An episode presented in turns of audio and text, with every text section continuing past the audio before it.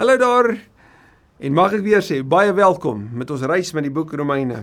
Ons het by die tweede deel aangekom van hoofstuk 9, hoofstuk 9 tot 11 wat 'n baie besondere fokus op Israel se plan en God se verlossingsplan in die wêreld en Israel se rol daar binne ook beskryf, veral vir die gemeente in Rome, maar ook vir jou en my vandag. Paulus kyk terug uit uit vertel oor God se genade en vryspraak en wat vryspraak alles behandel, dan kom hy by hoofstuk 9 aan en as hy terugkyk, dan sê hy onthou mooi, daar was daar was 'n belofte vir Abraham en Ismael was hoewel hy Abraham se kind was, was hy nie deel van God se belofte nie. Hy het in hoofstuk 4 gesê dat hierdie belofte van Abraham, van Abraham se vader van die gelowiges, maar dit gebeur in Isak en natuurlik vanuit Isak is daar twee seuns gebore. En dat hierdie twee seuns alhoewel hulle fisies gebore is uit Isak, nê, verteenwoordig hulle twee nasies wat die een God volg en die ander een nie. Die een word deur die Here liefgehê en die ander een nie, want die ander het hulle rug ook op God gedraai.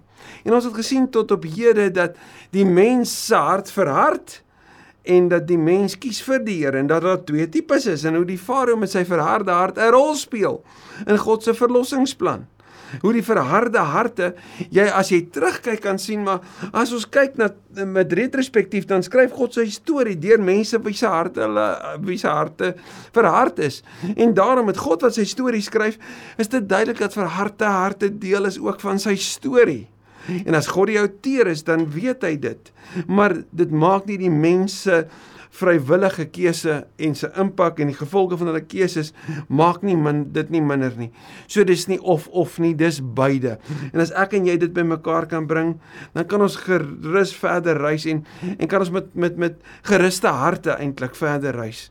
Met die wete dat ons nie die misterie van hierdie twee wat nie pole is nie, maar hierdie twee dele van realiteit, beide voorkennis God se alwetendheid en die mense vrye wil, dat dit by mekaar hoort, dat ons nie die een by teenoor die ander moet stel nie, dat die een sonder die ander laat gebeur nie, dat ons dit in ons gedagtes en ons harte by mekaar kan hou en net kan sê Here, U weet, kom breek die grootheid van U skrif ook vandag verder vir ons oop. Kom ons bid dit saam. Ons bid dat die Here vir ons sal lei ook verder vandag. Here, dankie dat ons net kan asem vandag in U teenwoordigheid. Kan uiter dit wat vir ons swaar is, dit wat vir ons moeilik is, dit wat vir ons by tye onverstaanbaar is, dit wat vandag op my hart druk en my dalk selfs afdruk, dat ek dit net kan uitblaas en vir U gee en so op hierdie hierdie pad na na Paastyd toe dat ek kan inasem die nuwe lewe en die groot bron van vreugde wat daar is. Hierdie hierdie tyd van Paasfees wat vir ons nou kom vertel het onlangs weer. Here van u goedheid. Want ja ons is beide op pad na nuwe ontdekkings maar ons leef ook vanuit die verlede. En die verlede is Jesus het opgestaan.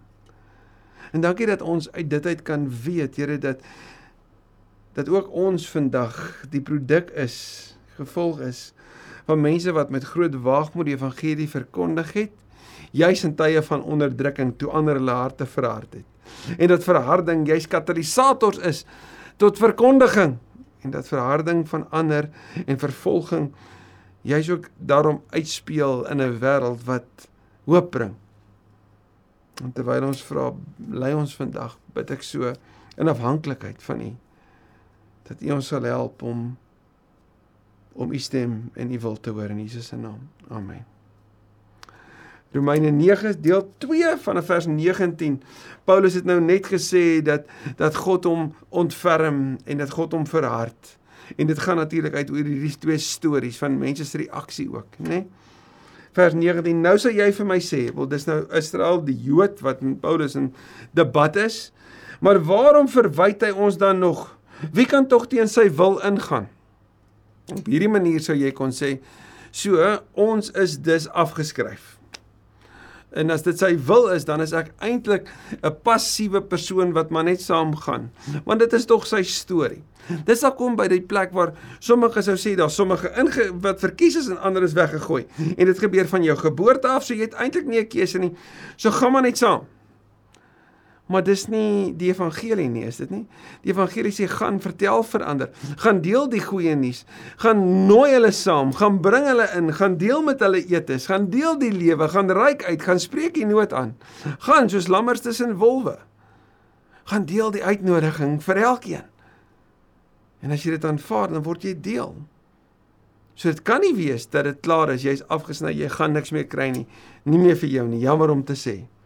Paulus sê mense wat so redeneer, mens, wie is jy per slot van rekening dat jy met God wil redeneer? En hierdie is interessant want hier kom sê Paulus, wanneer jy met God in debat wil kom, pas op. Want weet wat die Here wil doen. Hoe kan die maaksel vir sy maker sê, "Waarom het jy my so gemaak?" Wat Paulus dit sê is wanneer jy terugkyk op jou storie, kan die maaksel nie vir die maker sê, "Wel, ek is so, wat het u gedink nie?" Want hy is die maker en ek is die maaksel en miskien voordat ons verder gaan, is dit die beter posisie wat ek en jy moet inneem wanneer ons voor hom kom staan. Om te kom erken U is die soewereine, allerheiligste, alwetende God. Ek is nie. U is goed want ek sien dit aan die kruis. Ek is nie want ek weet van my sonde. Die vergifnis wat ek kan kry in Christus is so volledig al verstaan ek dit nie. En hierdie wêreld is bitter kompleks en ek wil my eenvoud voor U bely. Is dit nie die beter plek om te wees as ons gaan en verder dink ook oor Israel en verharding van mense en God wat sy storie skryf nie. Want as jy terugkyk en jy dink aan die Farao en jy sou dalk sê arme Farao. Sou jy dalk by 'n plek kom waar jy sê arme Judas en jy sê op al hierdie hierdie antagoniste teenoor die goeie nuus kon sê 'n arme Saul, nê. Nee elke keer 'n arme diep persoon wat sy rug gedraai het. Maar God skryf sy storie steeds te midde van die mense wat verhard en die antagoniste in sy groot storie van verlossing is. Hierdie pottebakker vers 21 en o die pottebakker is so bekend. Dit kom uit Jeremia 18 uit. Dit's eie aan die taal van van Israel. Hulle sal kon onthou die Here vir Jeremia gesê het: "Gaan af na die pottebakker se huis toe en weet ek vorm julle. Ek is besig." Het die pottebakker nie die reg om uit dieselfde klomp klei iets spesonders en iets alledaags te maak nie. En vir die wêreld van Rome, so beide Grieke en Jode kon sê maar hulle weet presies waarvan Paulus praat. Want stap jy in 'n pottebakkery in, gaan jy iets besonders sien en iets alledaags sien, iets wat jy elke dag kan gebruik en iets wat jy ergens op 'n kas sou sit vir ander om te sien. En as God dieselfde wou doen, En hier gebruik Paulus se beeld om iets te beskryf van die Here se storie. Hy wou sy toren laat sien en sy mag bekend maak. Toren? Sy toren oor die boosheid en oor die verkeerde. Sy mag, redding wat hy gebring het. En wie was daar? Farao het sy hart verhard. Die toren oor dit wat verkeerd is en onderdrukking is duidelik. Mag, die redding het gekom. Israel is deurgelei.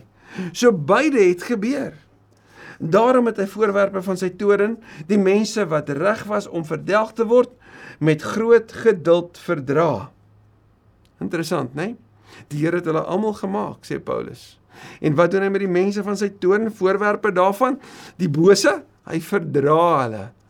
Dis mooi, want dit help my weer om te dink aan aan aan aan wat die woord sê daar en ons het dit voorheen gedoen dat Josia sê dat as ek dit reg het is hoofstuk 8 omdat die die sonde en omdat die die die die geweld nie onmiddellik gestraf word nie hou mense aan daarmee.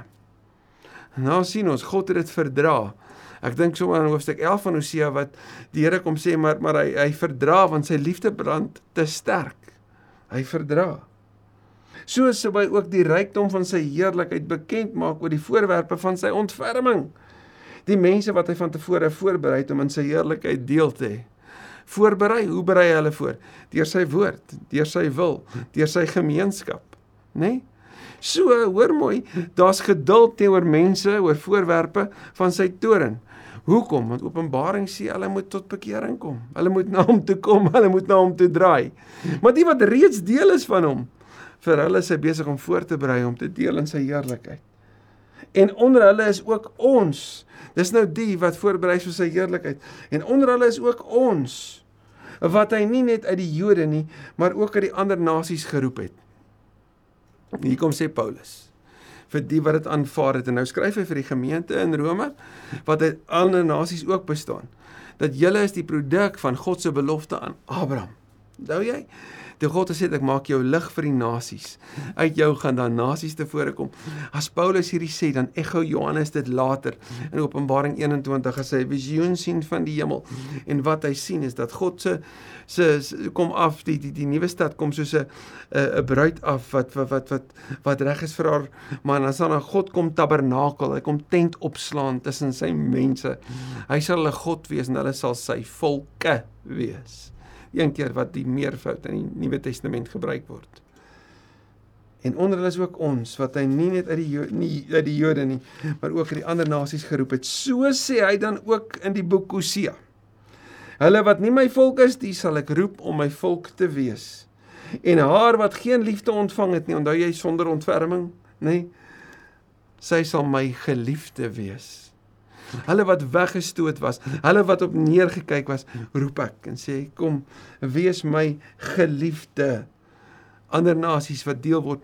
En op hierdie manier verruim Paulus die Jode se kyk ook na God se verlossingsplan sonder om na hulle self te kyk as weggegooi en agterweë gelaat.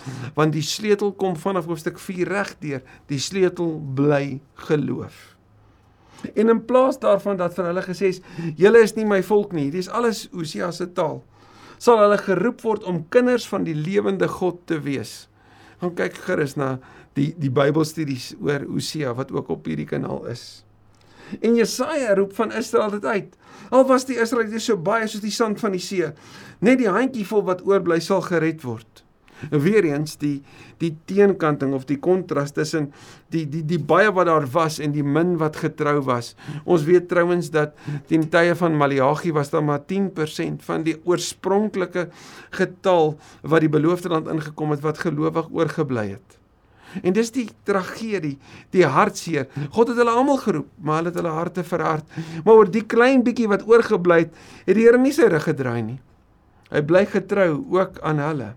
So ten tye van die skrywe van van die Nuwe Testament se briewe was die getal Jode wat nog gelowig gebly het ten tye van Jesus se geboorte was aansienlik minder as voor die tyd toe hulle die beloofde land ingekom het. Want die Here gaan eens en vir altyd hier op aarde die saak afhandel. En dan kom sê Paulus so vir vir hierdie hierdie volk en hierdie lesers wat so sê maar ek is verward. Die Here bly getrou. Vers 29 so het Jesaja trouens ook al gesê. As die Here die almagtige nie vir ons 'n klompie laat oorgebly oorbly het nie. Soos met Sodom sou dit met ons gegaan het. Soos met Gomorra sou so ons sou ons ook uitgewis gewees het. So wat gebeur met hierdie volk wat in ballingskap weggevoer word? Die getroues bly oor hulle bly daar. Te midde van die ongemak van van slawerny, die getroues bly oor. Hulle bly elke keer daar. En ek en jy kan dit gaan sien, gaan lees maar die klein profete, jy gaan dit elke keer daar raak sien. Hierdie teenwoordigheid van ander wat weggedraai het en hierdie handjie vol soos in Maleagi se tyd. Wat sê ons bly vas. Ons ons glo en vir julle sal die son van redding skyn met sy met genesing in sy strale. Daar Maleagi 3, Maleagi 4 gaan lees dit weer. Wat kom hoor Israel nou? As hulle se terugkyk en hulle hoor, maar daar's verharding en daar's genade. Daar's twee figure, daar's die Farao en daar's Moses se storie. Daar's Esau en daar's Jakob. Daar's Ismael en daar's Isak. Wat moet hulle weet? Hulle moet weet dat vir hulle wat gelowig bly in Christus, te midde van 'n verharding van van van ander, bly God se storie steeds die storie van redding te midde van die keuses van ander wat hulle rug op hom draai, skryf hy sy storie van goedheid. En jy sou kon sê maar was dit nie vir die donker en die teenkanting nie die lig nie so helder geskyn nie. Dis waar, maar die feit dat die lig helder skyn en die donker teen dit is, maak nie die oorsprong van lig en die uiteinde dat lig wen minder nie. Die feit dat die donker daar is, maak nie die feit dat lig lewe wil bring minder nie. Jy sien want donker kan nie donkerder gemaak word nie. Al wat dit donker maak is wanneer lig afwesig is. So vir almal wat deel is van die storie van donker, deel is van die storie van die toren, maak dit jou hart oop dat die lig kan inskyn. En kyk hoe verander dit jou lewe. Want dis die hoop van die evangelie waarvan Paulus praat. Dankie Here dat ons ook in hierdie het die fokus op die klein getal, die klein minderheid wat oorgebly het daar in tye van Jesaja. Die klein hoeveelheid wat oorgebly het in tye van Maleagi. Miskien vandag ook in 'n in 'n wêreld waar dit vir ons voel as die die ware gelowiges wat wat wat verbonde aan Christus leef, ja, die ware kerk wat dalk lyk of dit verminder het. Dat dit ons nie hopelose moedeloos moet maak nie, maar juis moet herinner aan die storie wat U skryf. En Here, as daar dalk iemand is wat hierna kyk en weet U openbaar die donker in my hart nou. Kom skyn lig en bring terug na die plek toe waar ontdek kan word dat U barmhartig en genadig, lankmoedig, vol liefde en trou is, dat U vergewe en dat U herstel, dis wat die hele Romeine tot op hede vertel. Maar dat U voortgaan om die storie te te vertel, te skryf en te deel met 'n wêreld met 'n geskiedenis wat nog voor lê, wat nog gaan aanbreek, 'n voorgeskiedenis amper.